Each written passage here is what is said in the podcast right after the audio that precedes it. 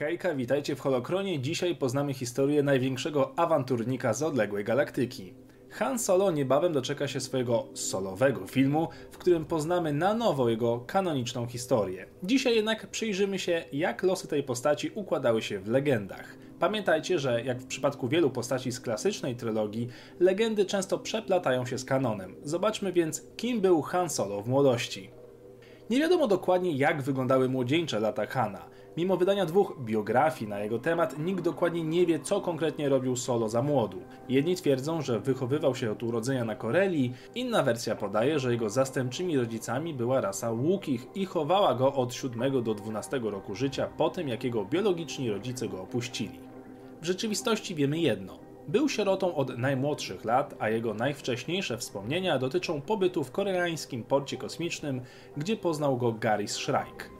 Solo nie pamiętał nic ze swojej przeszłości, nie zostało mu więc nic innego jak przystąpić do małego gangu Garisa, w którym uczył się fachu żebractwa, złodziejstwa, pilotażu i wszystkiego co trzeba umieć, by przeżyć na ulicy.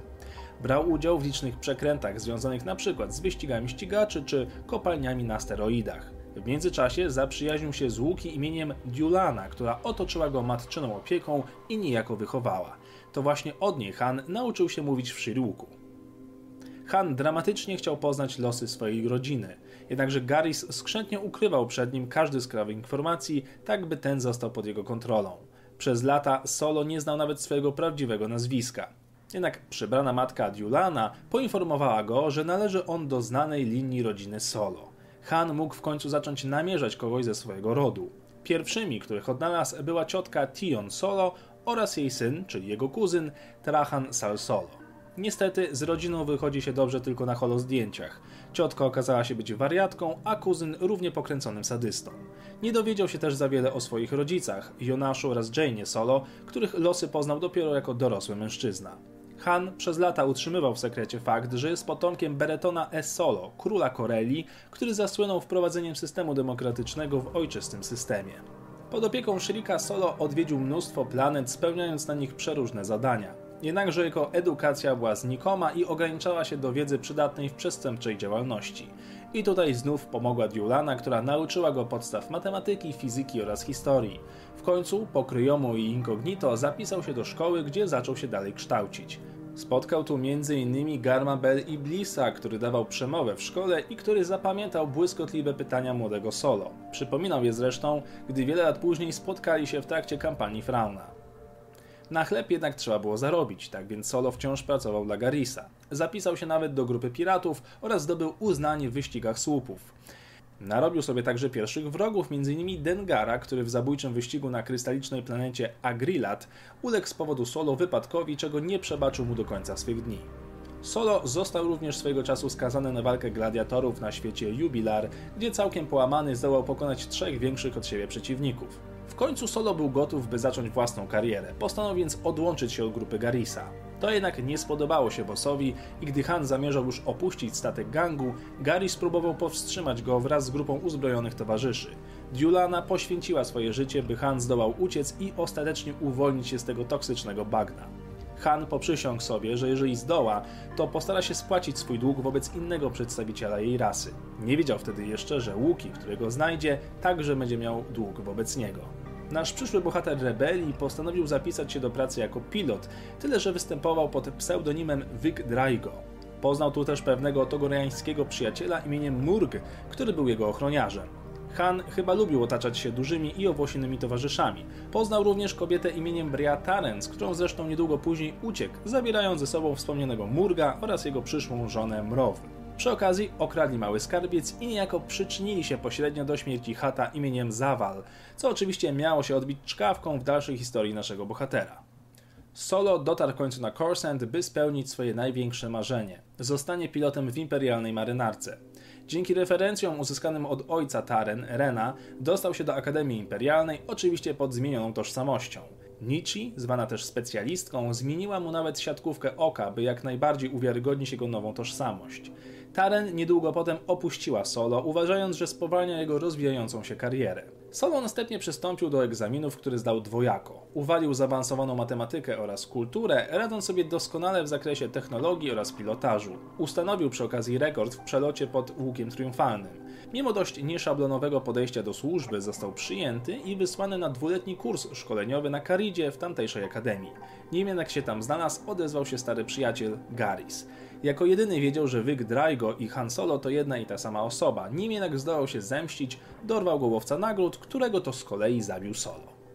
Han rozpoczął naukę pilotażu, radząc sobie jak zawsze w kratkę. Doczłapał się w końcu rangi porucznika i dostał zlecenie towarzyszenia komandorowi Niklasowi w jego działaniach dotyczących nadzorowania prac budowlanych oraz niewolników. Dostał się na statek wypełniony dziećmi niewolnikami z rasy Łukich, który to pilotował ciężko ranny przedstawiciel owej rasy imieniem Chewbacca. Han dostał polecenie dosłownego obdarcia ze skóry bezbronnego niewolnika, odmówił jednak wykonania rozkazu, przez co naraził się swojemu zwierzchnikowi. Niedługo potem Chewie pracował przy budowie nowego skrzydła imperialnej sali bohaterów na Coruscant.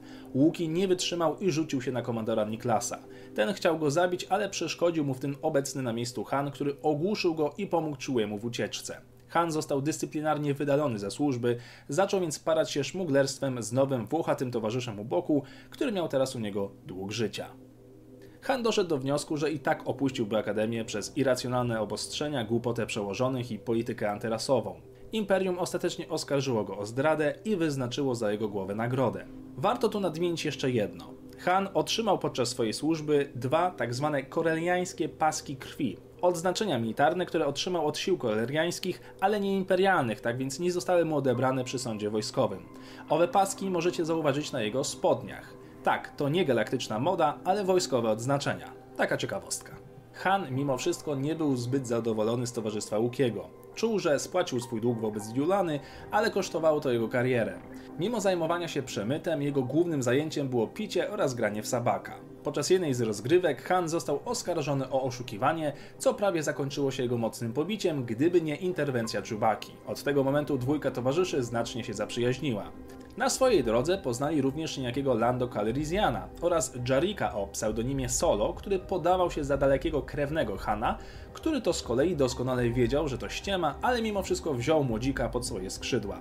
Han nawiązał również kolejny romans, tym razem z pewną mistrzynią sztuk magicznych, niejaką Xaveri, by zaraz potem wpaść w ramiona niejakiej Sally Zend. Pies na baby po prostu. W międzyczasie uczył Lando pilotażu, m.in. na pokładzie nowego statku o nazwie Soku Millennium, który kupił serce Hana już samym wyglądem.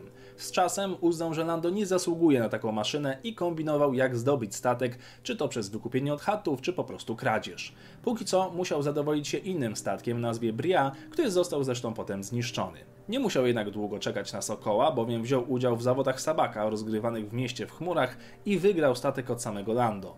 Solo i Chewie mogli w końcu rzucić się w wir przygód i zwiedzać galaktykę, choć główną motywacją Hana było unikanie sali, która planowała ich ślub, na co Han absolutnie nie miał ochoty.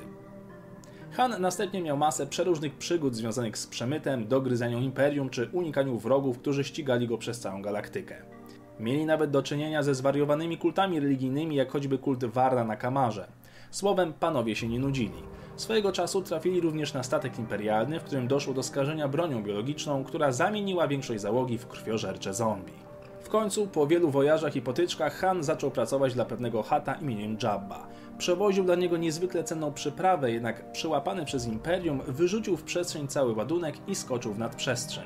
Starał się powrócić po przyprawę, korzystając z 18-parsekowej trasy na Kessel, pokonując ją w 12 parseków, z czego Han był zresztą bardzo dumny, ale przyprawa była już bezużyteczna. Jabba wynajął niejakiego Grido, który miał przypomnieć przemytnikowi o tym, że Jabba nie żartuje o spłacie długu. Han próbował spłacić Hatta, biorąc różne zlecenia, m.in. od Tibera Zana. Wszystko jednak szło nie tak jak trzeba. Dług wciąż jednak wisiał, a Jabba stracił cierpliwość, nakazując dostarczenie Hana przed jego oblicze rodiańskiemu łowcy nagród. Panowie spotkali się w kantynie Eisley na Tatooine, gdzie Grido dokonał żywota, a Han zaraz potem poznał grupę przychlasów w postaci wieśniaka, jakiegoś starego dziada w pustynnych szatach oraz dwa działające na nerwy droidy. Resztę historii Hana znacie oczywiście z filmów, a uzupełnić ją możecie książkami i komiksami z tego okresu. Jeżeli chcecie znać dalszą historię Hanna, to polecam zagłębić się w legendy. Przed nami jednak nowy film o tym bohaterze, który na nowo nakreśli nam jego opowieść. Zobaczymy, jak wiele wątków zostanie zaczerpniętych lub zainspirowanych dawnym kanonem. Dziękuję Wam za oglądanie i jeśli chcielibyście odcinek o wydarzeniach, które miały miejsce w legendach po zakończeniu klasycznej trylogii, to dajcie znać w komentarzach. Niech moc przyprawy będzie z Wami.